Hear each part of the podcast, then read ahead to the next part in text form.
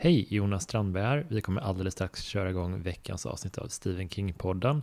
Innan dess har jag ett kort meddelande och det är att om du tycker om den här podden, tycker det är en trevlig podd på något sätt, eh, lyssnar ibland, så får du hemskt gärna gå in och stötta den med en liten slant på patreon.com snedstreck Strandberg. Och eh, det kan du göra med en så liten summa som 30 kronor i månaden. Och om du stöttar podden med valfri summa så eh, får du dessutom en gång i månaden ett avsnitt där jag pratar om en av Stephen Kings eh, sämre filmatiseringar med en rolig gäst. Och redan nu finns det två avsnitt ute om The Dark Tower, filmen då, och Gräsklipparmannen. Så hoppa gärna in och bli Patreon på patreon.com snedstreck Strandberg. Det finns adress här i avsnittsbeskrivningen också. Men nu kör vi igång veckans avsnitt av Stephen King-podden.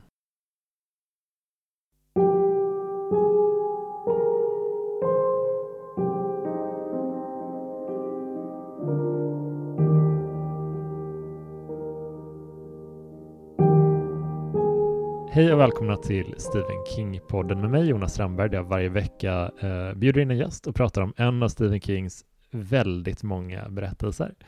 Och den här veckan så har jag med mig Agnes Hidvall. Välkommen! Tack så mycket! Eh, vad har du för relation till Stephen King? Um, jag älskar Stephen King. Jag har uh, läst en del av hans böcker, framförallt kanske de lite äldre. Jag har inte läst så mycket uh, ny publicerat. Mm. Uh, sett filmer såklart. Och, ja, jag tycker han har väldigt uh, spännande förhållningssätt uh, till livet mm. och döden. Alltså han har ju, jag menar, uppenbart mörka berättelser och mm. teman, men, men även i, i vad ska man säga, det som kanske inte ligger som huvudtemat eller huvudlinjerna så finns det ju ofta väldigt mycket så mörker i bara karaktärer eller specifika situationer um, som uh, uh, man kanske inte ser hos, hos andra uh, författare, alltså vad ska man säga, skräckförfattare eller som, mm. som klassas som det. Men vi ska ju prata om Eldfödd idag. Ja. Det, det tycker jag är jättespännande, för jag har aldrig jag har sett den här filmen för väldigt filmatiseringen för väldigt länge sedan, men jag har aldrig läst boken innan, innan vi skulle podda. Vad, hur kommer det sig att du valde den? Um, jag var ju, uh, får jag vara ärlig nu? Mm. Mm. Mm. uh, jag, jag var ju sugen på att prata om en annan bok, uh, Carrie, mm. och den var ju paxad. Just det. och eh, Firestarter här, eh, Eldfödd, är ju lite liknande tematik. Mm. Eh, den, liksom, jag tror jag läst någonstans att Stephen King var rädd när han skrev det. Han skrev den ju inte så jättelångt efter, det är ju åttonde eller nionde romanen mm. någonting han har skrivit, att han var liksom rädd själv att den var för lik Carrie mm. i men då tänkte jag, ja men fan den, och för jag tänkte att den har jag ju läst sen innan, men det var väldigt länge sedan. Ja, men jag kan bara fräscha upp liksom mina, uh, uh, fräscha upp det lite grann i, i minnet. Uh, men jag hade inte kvar den i bokhyllan, så jag fick åka och köpa den och den var, tror jag, tre gånger så lång som jag, som jag, som jag mindes det. Vilket har varit, det har varit en kamp, kan man säga. Jag läser fruktansvärt långsamt. Men det, den är ju verkligen tjockare än vad man tror att den ska vara. Jag, ja. var, jag var också så här överraskad. Jag tror jag har kollat upp, men kanske vid tre tillfällen under det senaste halvåret av olika omständigheter, så jag har kollat upp, ja men den här kanske man skulle beställa. Så går man in på Adlibris och så ser man att den är över 400. Alltså, det, det hände något i den då. Jag är inte, ja. jag är inte särskilt eh, skygg för lite längre berättelse, men den här, mm. det, det, är någonting med den här boken, att mm. den är så lång. Ja, men jag tror att det är för att man vet Även om man inte har läst den innan, så liksom bara genom att skumma typ baksidetexten så vet man att det kommer vara en då så 400 sidor flykt. Mm. Uh, och, och, bara det kan ju av, avskräcka en lite. Ja, Nej, men uh, om vi bara ska dra plotten lite innan vi uh, djupdyker i mm. den här. Det, vi följer Charlie, som är en typ åttaårig tjej, och hennes pappa Andy som är på flykt från en mystisk regeringsorganisation mm. eh, som heter The Shop. Och det, de jagar den här lilla familjen för att Andy har liksom utsatts för något, eller liksom varit, upp, upp, varit så frivillig för olika medicinska experiment, experiment, vilket lett till att han har fått lite så här, lite grann exa, övermänskliga förmågor. Han kan liksom påverka folks tankar och sådär. Och Charlie, hans dotter då, som kan sätta eld på saker. Och det vill jättegärna den här organisationen göra något med. Kanske något vapen. Mm. Eller så. Och framförallt hindra att andra länder kommer över henne. Typ så. Och det konstiga är nästan att vi direkt första kapitlet så är, befinner vi oss liksom mitt i jakten. Mm. Alltså, eller flykten. Att de, de är redan, de mutar en taxichaufför för att kunna ta sig osedda till en flygplats och, och det, det, är liksom ingen, ingen uppbyggnad eller någonting. Nej, man kastas ju rakt in i det och det älskar man ju. Mm. Att det inte börjar uh, i, i någon slags seg upptaktsvariant, uh, utan nej men så det älskar man ju. Men sen kan man ju också säga att utöver den linjen så är ju den här karaktären agent, agent karaktären mm. Rainbird, mm. John Rainbird, är ju en, också en, en, liksom, en stor linje i, uh, i det hela, som uh, också ganska så här, obehaglig typ. Där det var lite grann honom jag tänkte på där när jag sa också att, så här, att Stephen King ofta lägger in så här, obehagligheter även där inte nöden kräver det, så att mm. säga, på ett uh, fint sätt. Mm. Fint, eller på ett bra sätt. Ja. Um, ja. Nej, men det, vi kan... äh, det, det, det som jag tycker är intressant är hur mycket de växlar tempo i den här. För att det är en ganska lång passage eh, initialt i boken där de är typ helt osedda nästan. Att eh, den här organisationen vet ungefär vad de är men de har inte riktigt hunnit ikapp dem. Och sen så växlar de med att de konfronteras och Charlie får utbrott, vilket leder till att hon ofrivilligt får de här, hon äh, sätter eld på saker utan att kon kunna kontrollera sina förmågor. Um, och uh, det köper dem lite tid, uh, Andy och Charlie, liksom, så att de kan fly vidare. Men jag blir, lite, jag blir lite stressad av det här tempot. Jag är så ovan vid det för att jag, jag trodde att den var mer lik Carries, som du var inne på också. Mm.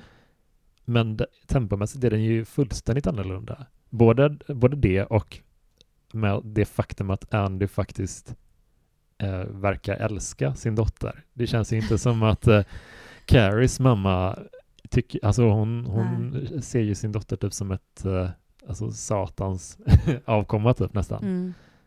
Så den grejen tänkte jag väldigt, väldigt mycket på. Men det måste, är ju ändå återkommande för Stephen King, alltså den här liksom otillräckliga fadersgestalten som typ älskar sina barn men inte, inte räcker till mm. av olika anledningar. Alltså det finns ju i djurkyrkogården också, mm. jag menar Shining och allting, att så här, de kan vara liksom, ha onda tendenser men i grunden så älskar de sina barn. Mm. Och det, det, har ju inte hans morsor på, sa, på samma sätt. Men det finns inga försonande drag där Nej. på det viset.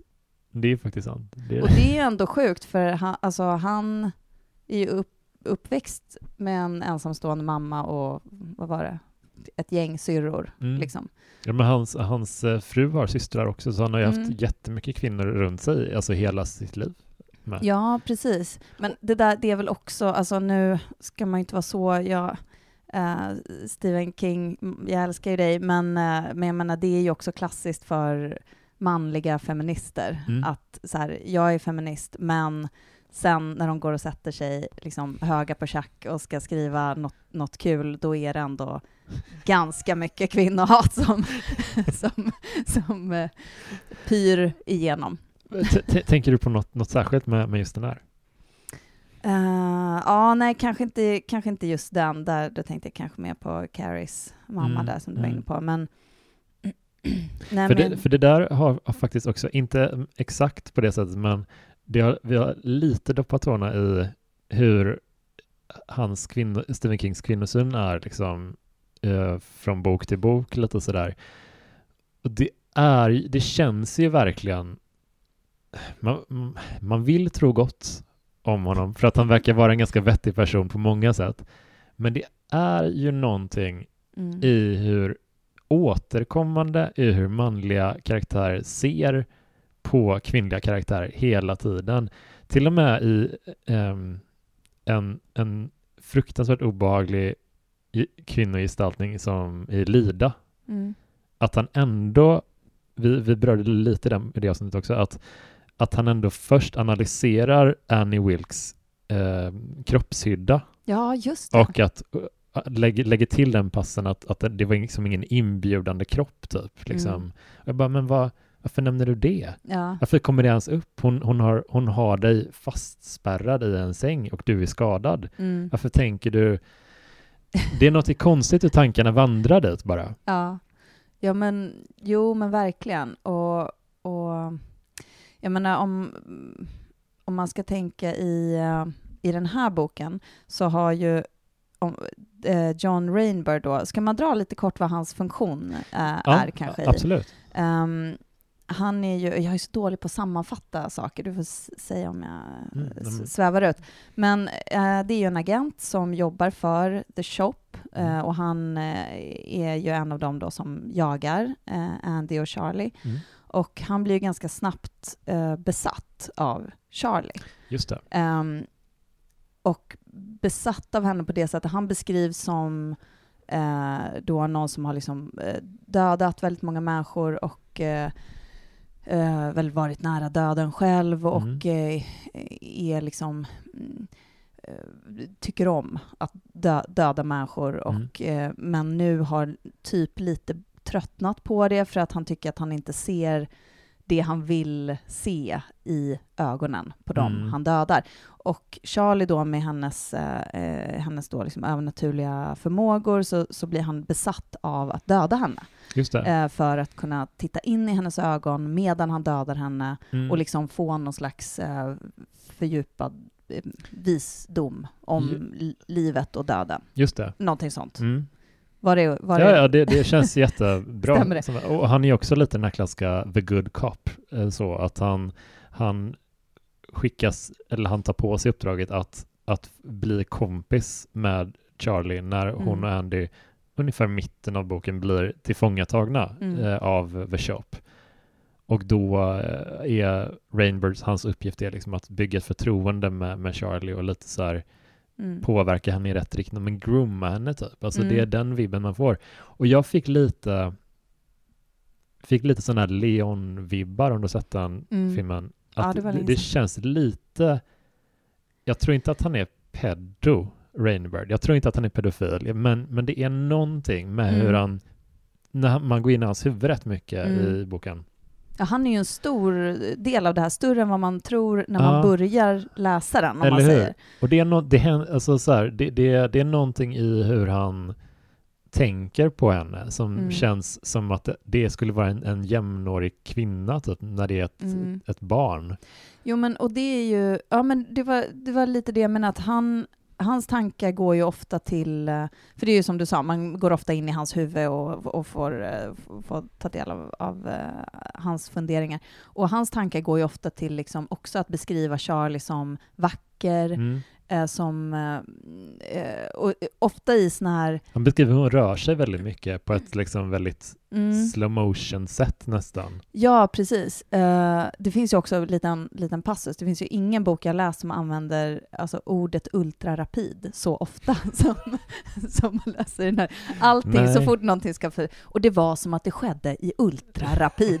det är, du vet, lite som typ när ett barn precis har lärt sig ett nytt ord och Just så använder det i liksom alla sammanhang. Lite så upplevde jag det. Ja. Eh, i, I alla fall. Eh, så, ja men precis, så beskriver han, och också lite det här, så här pseudo-pedo-versionen av så här ehm, beskrivningar av henne som är så här, eh, det var nästan, så, nästan sensuellt. Ja, Eller alltså sådana saker som att, som att man vet att det vore fel att, att, att beskriva en Ja. åttaårig, nioårig flickas liksom hår som böljade ner över axlarna som sensuellt. Som man Mm. skriver, det, var, det skulle nästan ha kunnat vara, kunnat vara sensuellt. Ja. Alltså, många sådana. ja, det är ändå att han, han går dit i huvudet Mm. liksom, men backar, alltså sådär. det är en Mm, det konstig... finns ju också en, förlåt nu avbröt Nej, nej, nej. inte meningen. Nej. Eh, det finns ju också en, en scen i boken när Rainbird pratar med chefen eh, för The Shop, eller en av cheferna Mm. eh, som figurerar, som öv- är översatt till kapan Just det. På Typ svenska. Cap tror jag han heter. På, Ja, cap. Ja, Men varför, säger, varför skriver man inte kapten? ja, eller Det hade ju varit super... Det, jag, jag mer rimligt. Också att alla kallar honom för Kapan. Hela, det är liksom så här, hans, assi, hans assistent kallar honom för det också. Det är, det är också jätte... Ja. Nej, det är, super, det, är- det är jättekonstigt. Det var också väldigt konstigt att den assistenten plötsligt bara hade dött i cancer. Mm. Det var en väldigt så här, Mm. eh, jag vet inte om du tänkte på det plötsligt, när det var så här, det hade gått fyra månader Just och Rachel det. hade dött i cancer. Va? Man så här, va? Va? Va?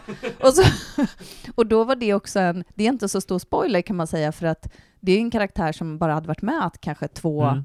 kanske två scener eller någonting i boken. Ja. Och så, men, men ändå liksom tog, han, to- tog sig ändå Steven tid att, till att ha ihjäl henne Mm. under, en, under ett break. Men det var inte det jag skulle säga. Uh, förlåt, jag är så spretig. Men alltså, då finns det ju en scen till och med eh, när uh, Rainbird och uh, Kapan, vi får ju kalla honom det Mm. helt enkelt, när de pratar och eh, när Rainbird ska övertyga Kapan om att han ska få spela den här Good Cop. För det är ju Mm. inte, det är ju inte The Shop som vill det, utan det är Rainbird som vill eh, som vill komma henne nära för att kunna liksom, till slut ta livet av henne. Just det. Ehm, och när han ska övertyga henne om det så beskriver han eh, varför han, eh, han ska få göra det här och då säger han eh, något, något i stil med liksom att ja, men jag, jag ska få henne liksom att göra allt det ni vill, det vill Mm. säga gör, ni, göra massa experiment, för hon vill ju inte då, hon har ju vägrat att eh, eh, fortsätta tända eldar eh, som hon kallar det. Och eh, han säger, men jag, jag kan få henne att göra det, ehm, men då ska jag få henne efteråt och få göra vad jag vill med henne. Ungefär så. Mm. Och då, i den scenen, så är det ju beskrivet hur Kapan så här, får något, eh, något, något liksom, eh, eh, vad heter det, något skumt i blicken Mm. och tittar på honom och vad menar du egentligen? Och Rainbird får, beskri- får, får säga så här, han blir tvungen att säga nej, nej, inte så. Mm. Det var inte så jag menade. Eh, inte, inte nära på det. Jo, han säger så här, vi ska komma varandra nära. Just det, inte på det bibliska sättet. Ja, inte på det bibliska sättet, måste han då tillägga, Ja.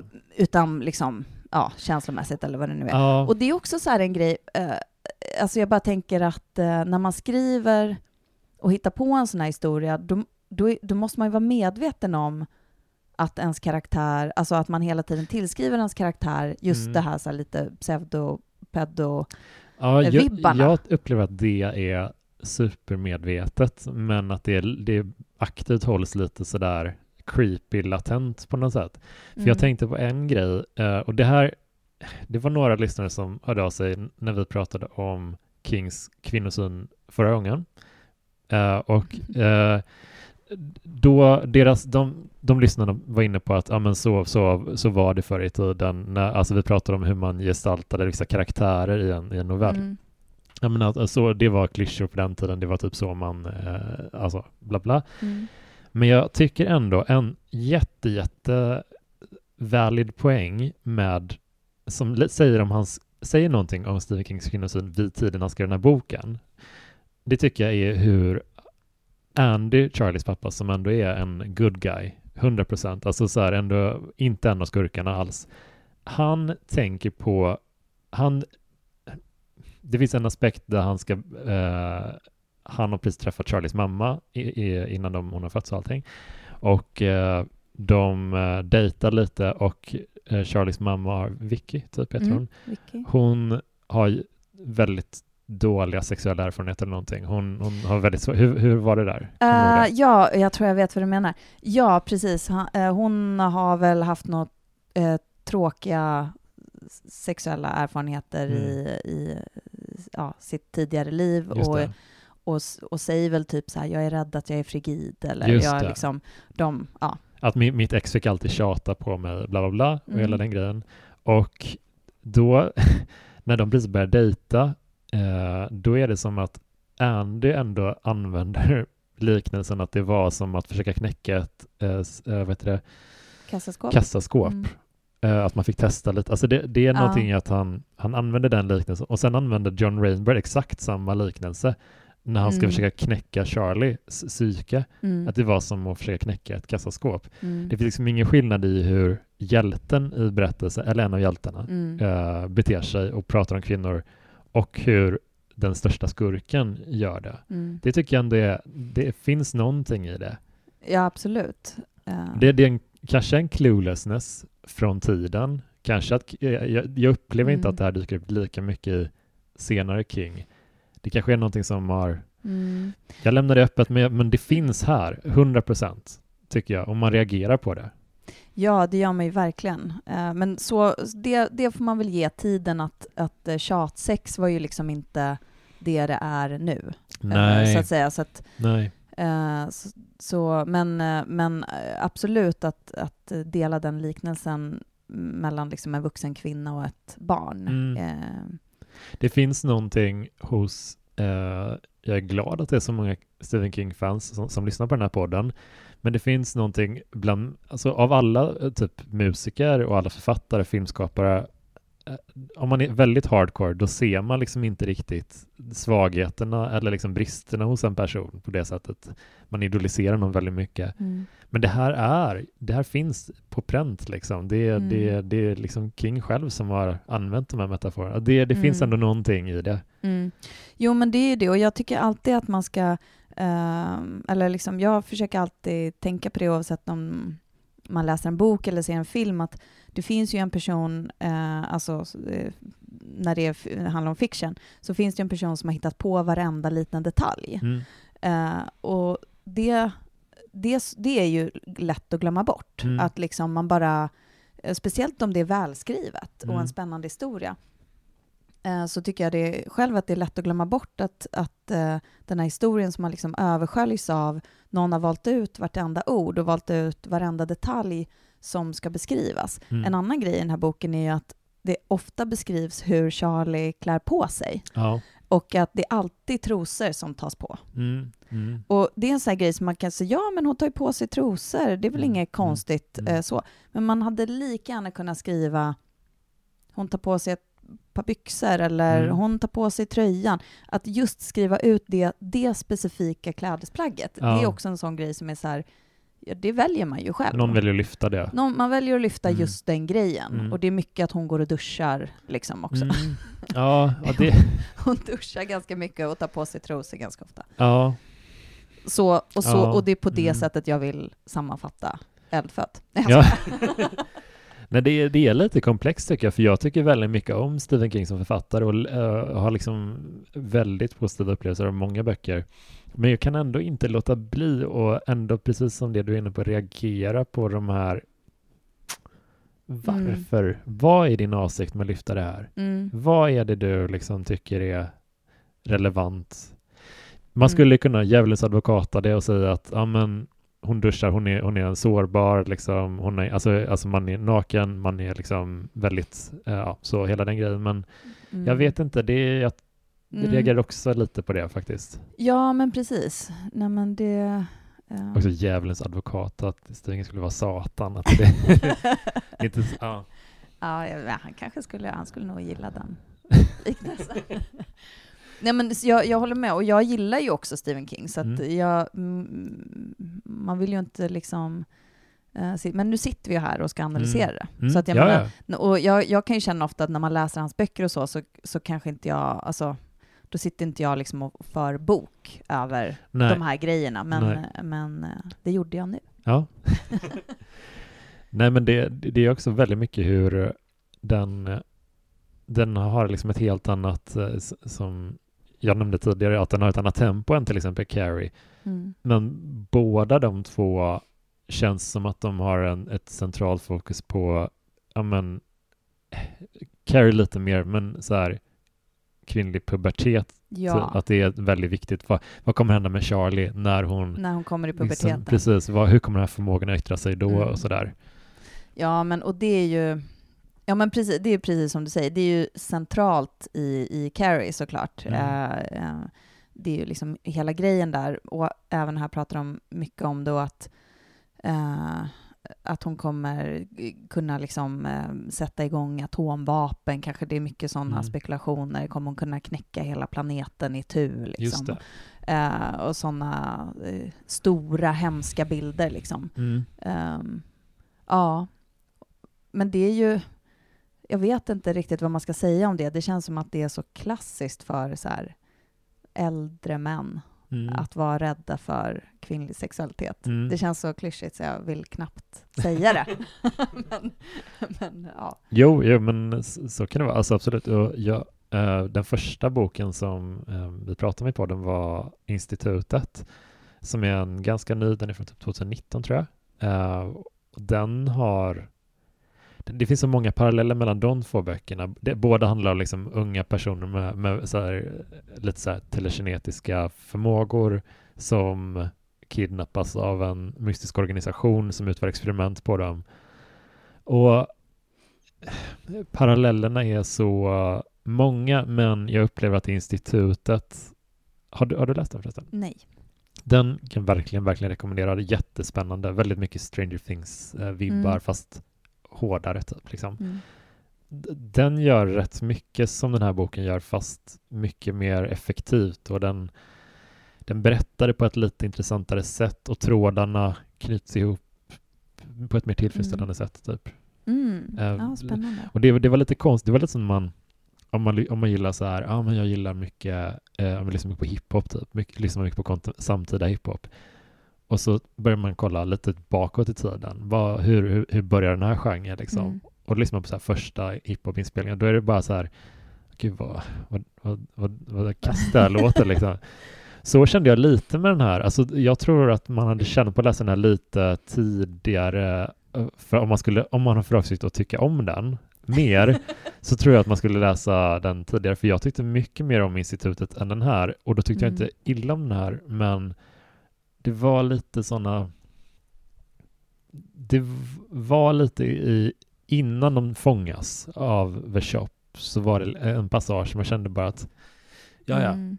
kom, kom till Mm. det nu. Mm. De hade kunnat fångas tidigare kände jag och det hade inte gått supermycket förlorat kanske. Nej. Tänker du på när de är på den här gården hos där eh, paret? Ja, just det, just det. Ja, Typ när- att det hade kanske kunnat vara att det var då de...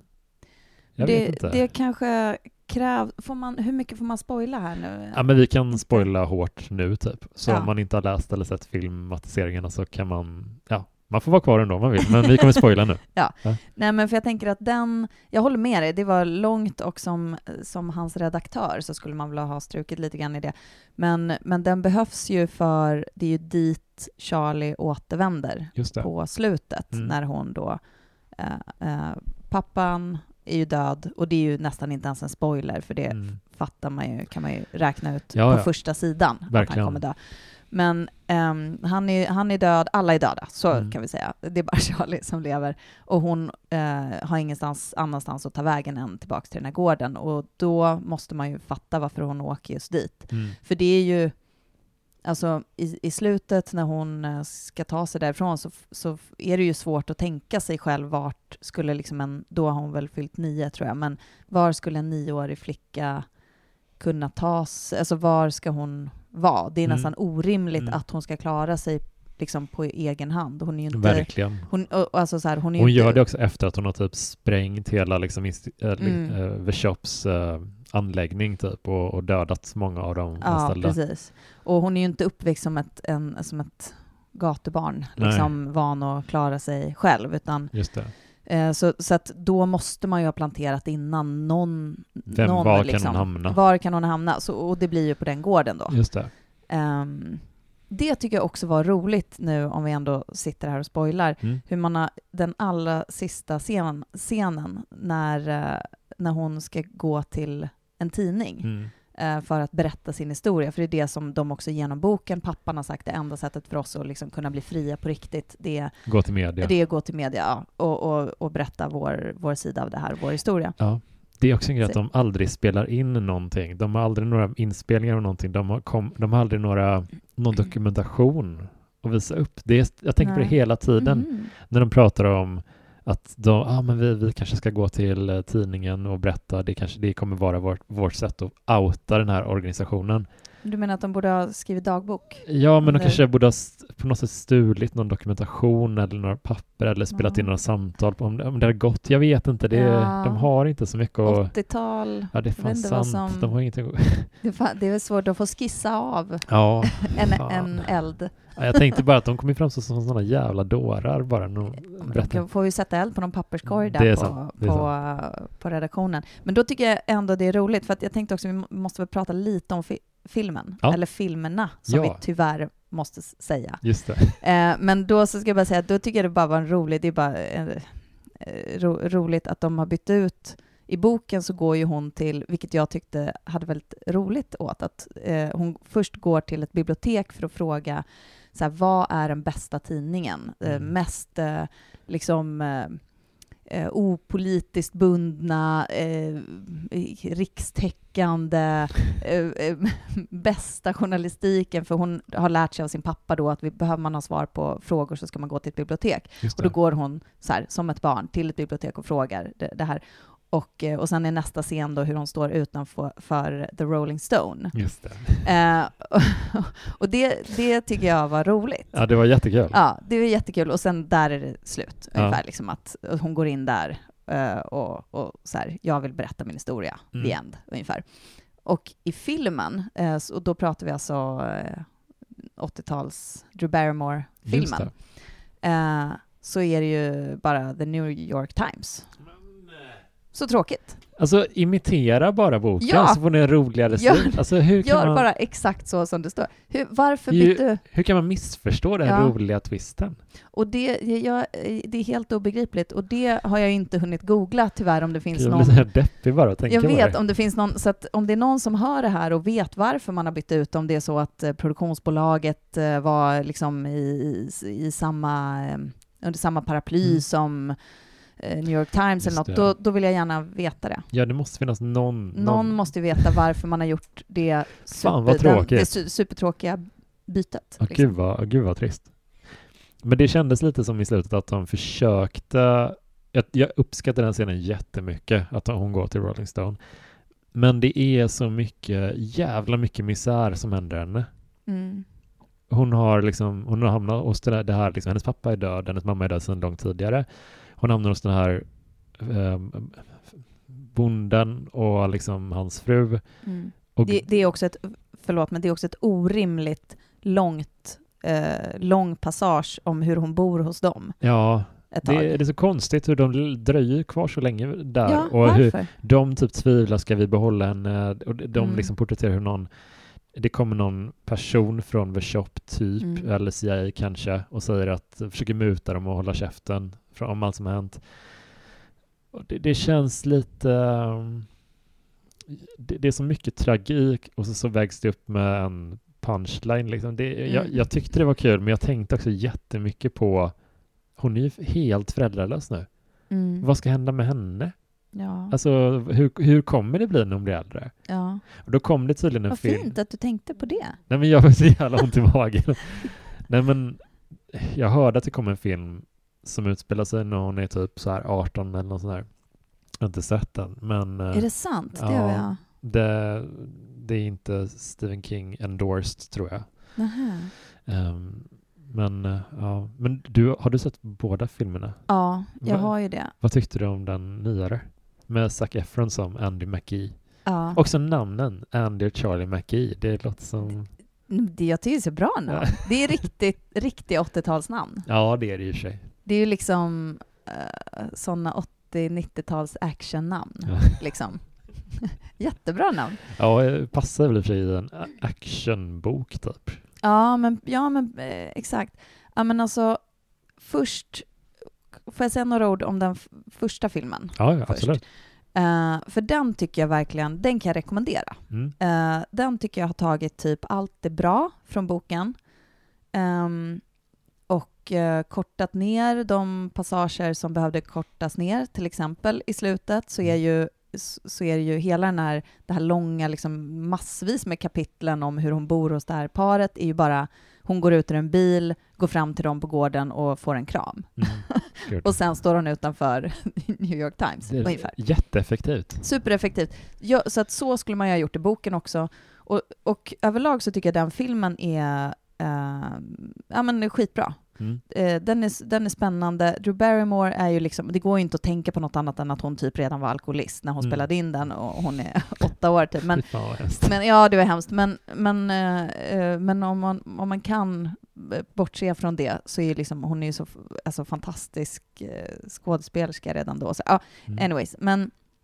den är väldigt bra och väldigt trogen boken. Mm. Så kan man säga. Det känns ju... Jag såg den efter jag hade läst klart boken Mm.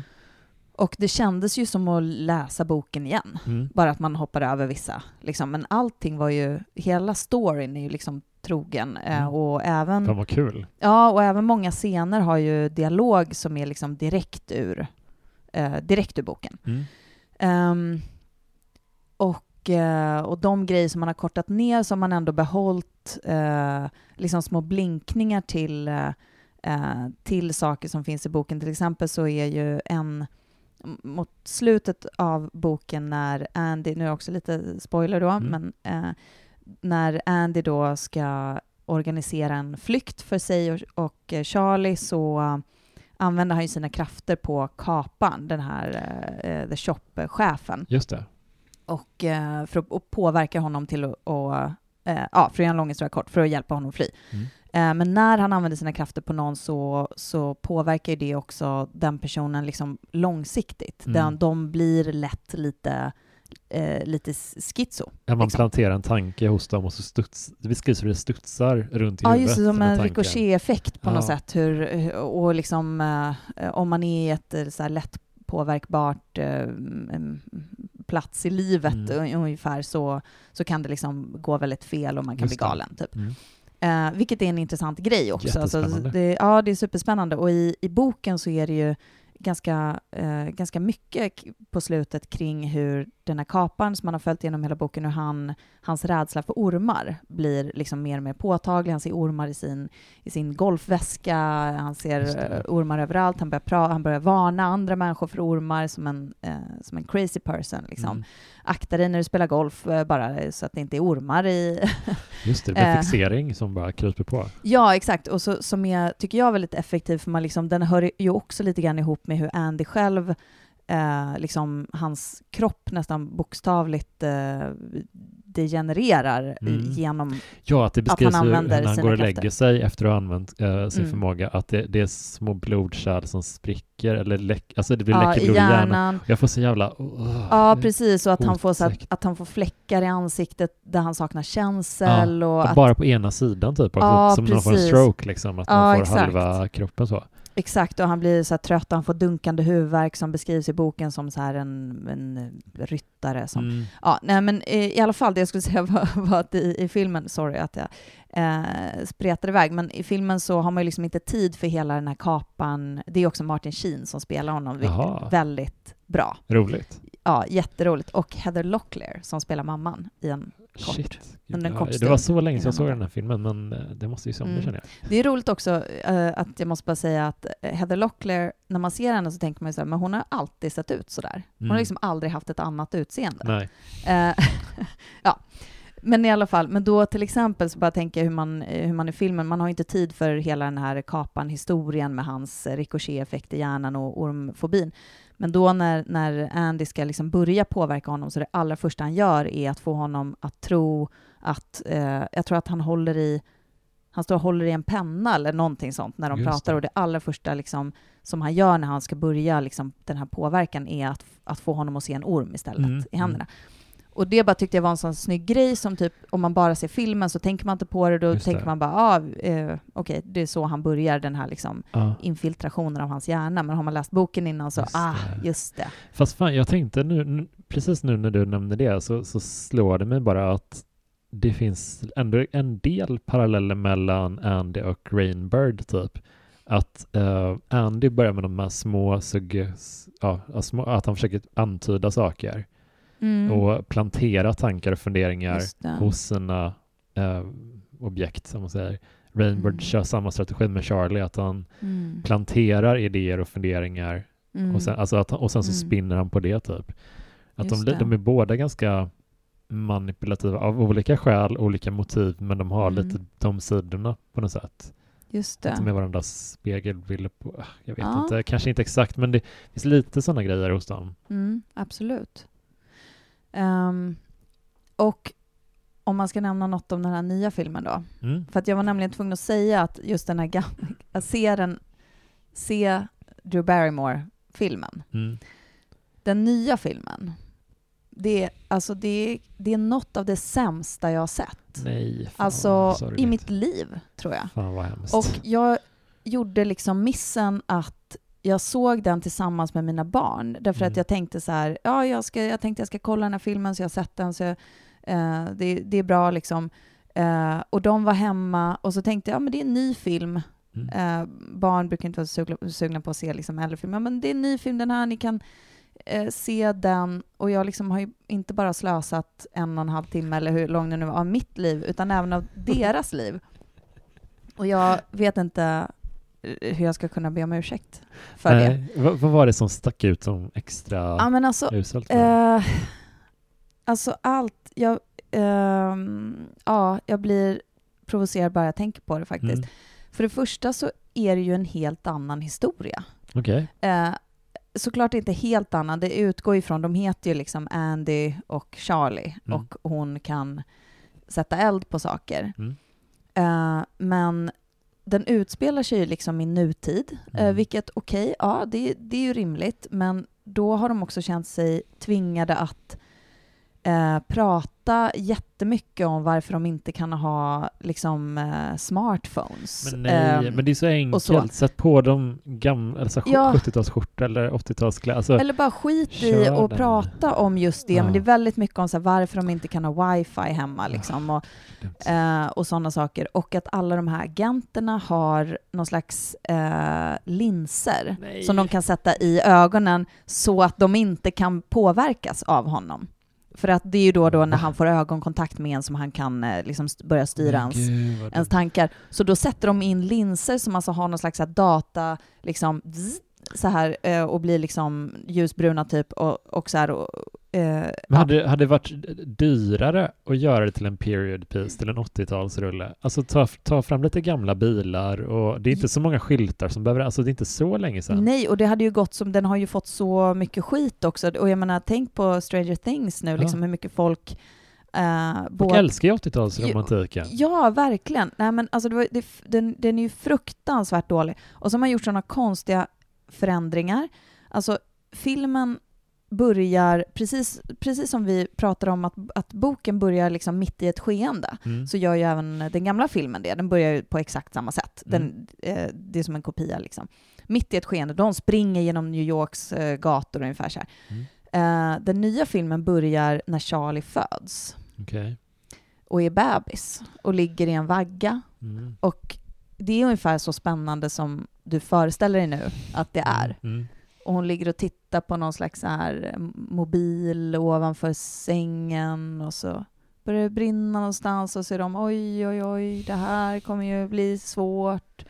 Alltså, förstår du? Det är så fruktansvärt tråkigt berättat. Och eh, i, eh, eh, Rainbird eh, har också pa, någon slags paranormala förmågor. Nej, men Nej, jag, jag vet. så irriterad. Ja, så att han är ju också så här, jag kan också se in i, alltså va? För en grej som jag tyckte mycket om, eh, du som har sett den nya filmen så här, var, jag tyckte, en grej jag tyckte om med boken var hur de gjorde ändå Andy till, okej han är inte riktigt en hjälte exakt, för de beskriver ändå hur han, när Charlie visar sig ha de här tendenserna, liksom, att de kan sätta eld Mm. på grejer utan att de vill riktigt, Mm. att han då verkligen är ganska elak mot henne och liksom skäller ut henne ordentligt och skrämmer henne liksom. Mm. Tror du att Zac Efron gör det? Ja, det känns som att, Nej, nej. nej, det gör han inte. För du hade gjort en nyanserad liksom, Nej, men Det här är ju, alltså tänk dig ungefär som Pixar-versionen av, av en Stephen King. det är så film. De har också tagit bort allt, allt Stephen Kingigt med det är ju borta. Eh, alltså som när, eh, när mamman dör i början och blir givetvis mördad av Mm. agenter från The Shop så hittas hon ju med fingernaglarna utdragna och Mm. de det, han, det återkommer som en detalj liksom, när Andy tänker på hur han hittade sin fru, att hon hade naglarna utdragna och, eh, och det, hon måste ha haft så ont. Alltså, det är typiskt sån eh, Ja, en King-grej. liksom, callback-grej. Ja, precis, och bara göra någonting, lite så här, hur kan jag göra det lite äckligt? Liksom. Mm, mm. Eh, hon dör inte bara utan. Just så. det. Eh, det, det är ingen som har några naglar utdragna i den här filmen, utan, utan hon ramlar ut från ett skåp. Kan hon sätta Död eld på bara. saker, Charlie, då? Eller är det, tagit med den grejen? Jo, hon kan sätta eld på saker, saker, men de har ju också gjort henne så att det det är så här orimliga grejer. Istället för som i boken och i den gamla filmen så är hon ju 8-9 år. Mm. I den här nya filmen så är hon 11 år. Okej. Eh, så hon är bara så lite mindre sårbar. Typ. Mm. Varför då? Ja. så, och va, varför? Det finns också en scen i den nya filmen eh, som, vad jag minns, du får säga nu om jag har glömt bort den här scenen i boken, men där alltså Charlie tänder eld på en katt. Nej. Nej, det är inget du känner igen, eller hur? Nej. Nej, för jag, jag tänkte först att gud, ja, det är jag som har, har fått hjärnblödning. Jag Mm. har, miss, jag liksom bara har, har eh, missat den här scenen. Nej, men alltså, och det är ju en sån klyschig scen. Mm. Så i den här filmen så, så finns liksom, eh, den här nya filmen, så finns en scen när Charlie, när de, de är på flykt, de har tagit in på ett motell, Mm. Charlie går runt eh, och ska eh, slå dank Mm. runt, runt det här motellet, eh, ser en katt eh, som hon vill, vill klappa. Katten vill inte bli klappad och Charlie råkar sätta eld på den. Men Och, och det, det är liksom den typen av scen, alltså det är så, det är så klyschig grej för att visa hur hon, hur hon brottas med sin Ja. ångest över vad hon kan göra och som hon inte kan. en grej, förlåt. Jag tänkte på en grej bara. Över Shop. Eh, Mm. De, jag läste på lite om dem och jag, jag kände igen de- deras liksom, namn från uh, Pestens tid och någon till, men framförallt Pestens tid. De nämns tidigt under, eh, under eh, när viruset håller på att bryta ut. Liksom. Mm.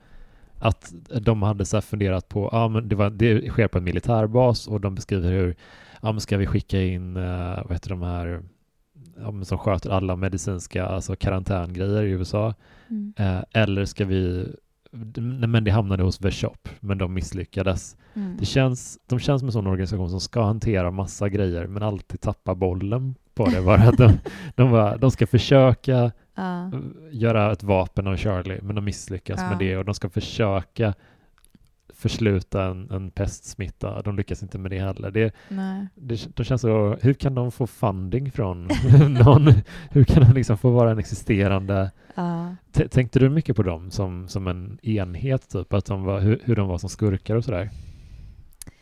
Eh, nej, inte på det sättet. Jag har inte läst Pestens tid, Mm. så jag hade inte det, den parallellen att dra. Mm. Det är väldigt, bara en passus typ. Ah, alltså, Det är inget så, som de dröjer vid. Mm.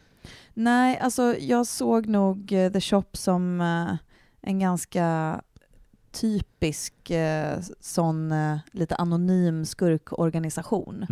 Um, däremot, någonting som jag tyckte var, var fint i boken, eh, eller snyggt, var hur deras headquarters beskrivs. Mm. Eller huvudkvarter, Mm. som det heter på svenska. Mm.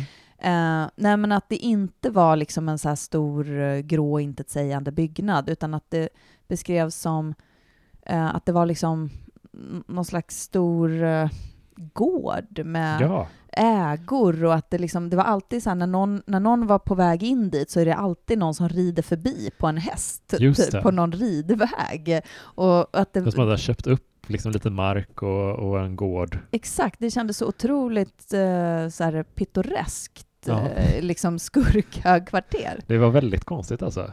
Ja. på det. Ja, så mycket hästar Mm. och ridvägar runt omkring. Eh, och att det, att det också liksom beskrivs hur den här, undrar om det var Rachel, eh, assistenten, som, som plötsligt har dött i cancer, Mm. eller om det var någon annan, som beskrivs som att så här, och på lunchrasterna så brukade hon eh, gå ner till stallet och, och Mm. rida en tur. Men det känns som att de inte har för vana kanske vid att, att f- ha folk i förvar på det sättet. Men de, jag vet inte. Det- fick du det intrycket att de använder den här anläggningen till att förvara människor? eh, som på regelbunden bas. Eller Nej. för, för det känns som att Charlie kan typ traska ut lite efter att de har gjort Mm. ett experiment och Mm. de, hon, är, hon kan nästan fly vid ett tillfälle typ. Mm. Nej, nej, de har ju absolut inte rutin, ingen bra rutin i De alla bara, fall. ja men vi har det här rummet, där kan de vara for now. Ja, men något som, som jag reagerade på var hur otroligt fina deras, eh, deras rum typ beskrivs. lägenheter. Ja, det är läge, alltså, alltså jag tror att Andys lägenhet beskrivs som att den har tre rum Mm. och ett badrum och ett fullt utrustat kök Mm. Med kyl som är ständigt påfylld. Det beskrivs ju till och med hur han går Man vill inte vara där. man vill vara där. Det beskrivs ju till och med hur han går upp i vikt under Ja, just tiden. det, just Därför det. att han får så väldigt, väldigt god mat och Men- det alltid är läsk Jag vet inte vad det säger, men det här, är, det här är typ andra gången jag känner med Stephen King att här skulle man vilja vara. Och det, den första gången var på eh, The Overlook Hotel från The Shining. Att det hade varit, ja. jag hade typ tyckt det var lite härligt att ha det jobbet och Ja. så här caretaker på vintern. ja, ja, verkligen. Han får ofta det där lite som, som är creepy och läskigt att vara lite, ja, ändå, Lite-. Lite, lite isolerad liksom. Mm, ja. Men alltså det är ju också när jag tänker på det och återkommer ju i, i hans eh, böcker väl. Alltså just det här med så här, den, den ensamma mannen som lite ofrivilligt blir isolerad, men det är ganska nice, ett tag i alla fall. ja. Alltså det är ju Lida också. Mm, mm. Att så här, men det, det är ganska nice. Han blir Mm. omhändertagen, han får någon god Ja. soppa eller vad det är. Och det är liksom, det är sen så okej, hon krossar hans fötter, men Mm. men, men tills det, eller hugger av Mm. hans fötter där, men, men, liksom, men tills dess, jag vet inte, men man skriver väl också lite grann så här sin egen dröm.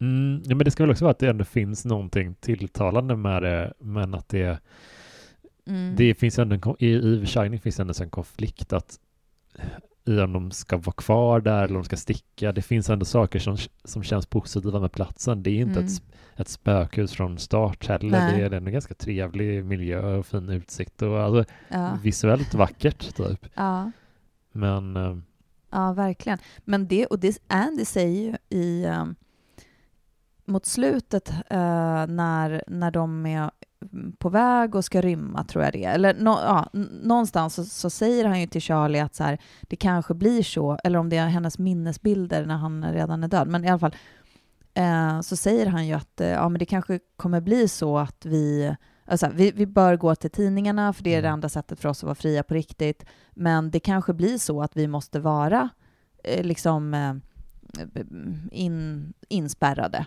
i, Mm. i våra liv. På något sätt så beskriver han det för. Så Vi, vi kanske måste befinna oss liksom på någon sån här anläggning, bara det att vi eh, liksom har, har det bra. Bara, han säger så här, bara att vi får vara tillsammans då. Just- för det är det just som är det. grejen genom den här boken, att de skiljs åt och liksom det. längtar Mm. efter varann och sådana Mm. saker. Men, men att han säger att vi kanske måste även i fortsättningen vara på något sånt här Mm. ställe, liksom, eh, kanske på grund av hennes krafter eller så, Just men att det. då får vi vara tillsammans. Så, det, så det, han har ju verkligen en sån så här fäbless för, eh, för att eh, vara tillfångatagen. Jo, men jag måste ju bara säga, får jag hoppa till det? Ja. Och säga att, för jag har ju, eh, alltså jag nämnde i början att jag läser fruktansvärt långsamt Mm. och eh, och eh, gjorde då missen att välja en bok på 400 sidor. Mm. Men så att jag har varvat då själva boken med ljudboken. Mm. Ehm, uppläst av Lennart Jäkel. Ja. ja. Det känns ju... Och då vill jag bara säga, Lennart, om du lyssnar på det här, Mm. jag, jag älskar dig. Du är en fantastisk skådespelare, du har en fantastisk röst. Inte hundraprocentigt amerikanskt uttal. Mm. Eh, och, och det är ganska mycket så här, måste, måste ta sats inför varje namn som ska läsas upp. Men Och, jag, och jag lämnar det där, Ja, helt enkelt. ja, Och så vill jag nämna en grej till också. ja, Bedrövlig svensk översättning av den här boken. ja. Bedrövlig. Mängder med svensk eh, särskrivningar. Eh, reagerar på jätte, jättemycket på. Alltså, Aha, särskriv. Alltså, för jag tänkte på bara en sån grej som att som att eh, Rainbird också heter Rainbow ganska många Ja, gånger. just det. I- Det är sant. I början, för- jag tror första kapitlet Ja, när han ja. nämns, Det så sant. växlar de mellan Rainbird och Rainbow. Ja, Alltså det är ju en... det är verkligen sant. Jag, hur gör man den missen och hur kan ingen... Alltså, jag, läser dem lite växelvis, i huvudsak på engelska, men flera av dem läs på, de här har jag läst på svenska också. Och det här är definitivt den sämsta svenska översättningen. Nej men väldigt många av de här smeknamnen som man, som man på engelska gissar, jag gissar mig till att man kallar liksom Charlie för kanske eh, Kid eller Mm. Kiddo. Pusen. Ja, så, eh, och liten. Liten också. Bara plötsligt. Ja, Kom nu liten. ja, Mm, Eh, va? ja, ja. Vem skulle, vem skulle säga... Alltså det finns väl tusen bättre liksom, smeknamn på sitt barn ja verkligen. eh, än det. Ja, nej, men så det finns ju alltså verkligen... Jag, vill- jag vill verkligen säga det och det står jag för. Ja. Bedrövlig översättning. Ja, den var, det var ingen vidare alls. Nej. Och sen har vi båda lite som en sorts closing words. Vi har ju eh, skryt, skrytit lite om vem som har den fulaste versionen av den här boken. Ja. Eh, Du har ju den eh, med omslaget från den senaste filmen Ja. och du tyckte den var ful. Ja. Jag har en, jag tycker vi, vi kan ta en poddbild eh, där du visar upp båda två så Mm. får lyssnarna avgöra vilka som är den fulaste versionen av den här boken Men, av de vi har. ja, absolut. Och, och, och då så skulle jag väl bara vilja säga att jag kanske inte ska säga vilken jag tycker är fulast. Jag låter det vara osagt. Mm. Men det handlar om att jag har sett den nya filmen Ja, och får kräks i munnen när Mm. jag tänker på den. jag förstår det. Mm. Tack för att du ändå kom hit och ville ventilera det. Tack för att jag fick komma. Och tack för att ni har lyssnat. Hej då!